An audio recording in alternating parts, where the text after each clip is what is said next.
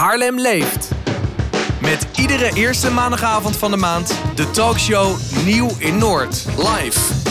Haarlem leeft. Ja, het nieuwe zwarte gebouw is een, eh, een paviljoen. Dat komt daar eh, tijdelijk te staan, of het staat er natuurlijk al. En de bedoeling is om daar maximaal 64 vluchtelingen uit Oekraïne op te vangen. Uh, het, het, paviljoen heeft eerder in Amsterdam gestaan als, als priklocatie voor de GGD, maar het was daar niet meer nodig. En toen heeft de gemeente het kunnen huren. We wilden dat zo snel mogelijk neerzetten op het uh, terrein.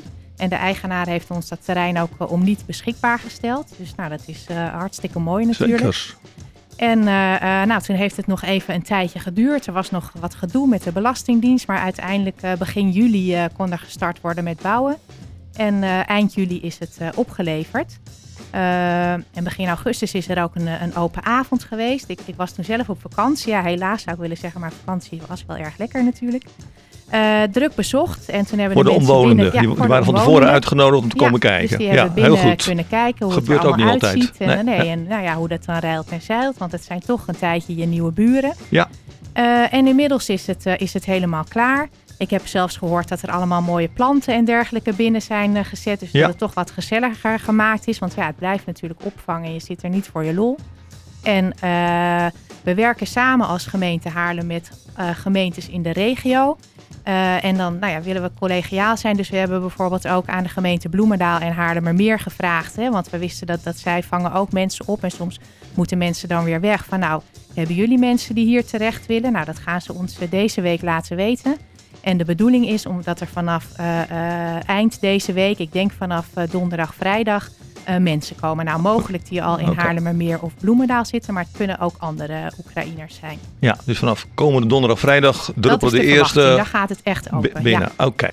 Maar hoe lang blijft dit paviljoen? dit paviljoen, dat hebben we tijdelijk gehuurd.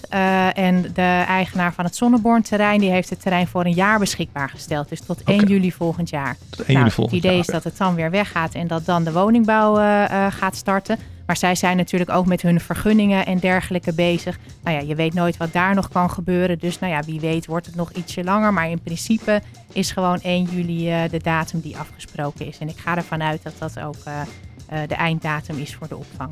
Oké. Okay. Kreeg nog een naam? Want het is nou een gebouw zonder naam, zou ik maar zeggen.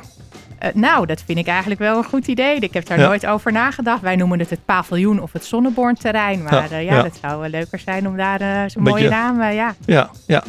En um, ik begreep 32 uh, ruimtes zijn het uh, voor 20 huishoudens. En met z'n tweeën, dus dan 64 kom je dan aan. Gemeenschappelijke ruimte, wat voor faciliteiten zijn er ja, verder? Het, het zijn eigenlijk uh, vier grote 16 persoons slaapkamers die weer onderverdeeld zijn in twee persoons ruimtes.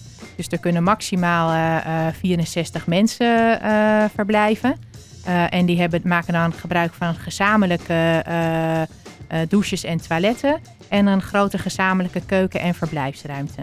Ja, dus, dus zelf koken daar, ja. die gaan ja. afspreken, ja. en dat, toiletten en het bij, bijhouden met elkaar. Ja. Ja. Het, het gaat vooral om vrouwen en kinderen.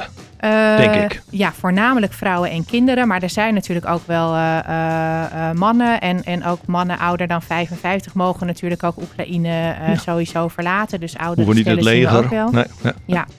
En um, het is net even anders dan aan de overkant waar de boot ligt. Hè. De uh, Leger des Heils die uh, begeleidt dat namens de gemeente. Ja. Maar ook, en, ook bij het gebouw, de paviljoen. Ja, dat gaan zij ook ja. begeleiden. De, de mensen die daar wonen gaan zij begeleiden. Ja. Okay. En op de boot ja, kun je natuurlijk niet zelf koken. Hè. Daar heb je wel weer je eigen sanitair, maar daar ja, eet je s'avonds wat de pot schaft. Ja. Uh, en in het paviljoen, nou moet je je sanitair delen, dat is minder fijn. Maar het lijkt mij wel weer prettig dat je nou ja, zelf kunt bepalen wat je s'avonds eet. Dus nou ja, het, is geen luxe verblijf of woning, het blijft nee. opvang. Nou ja, ja. En zo zijn er verschillende manieren waarop je in die opvang met elkaar uh, samen kunt leven.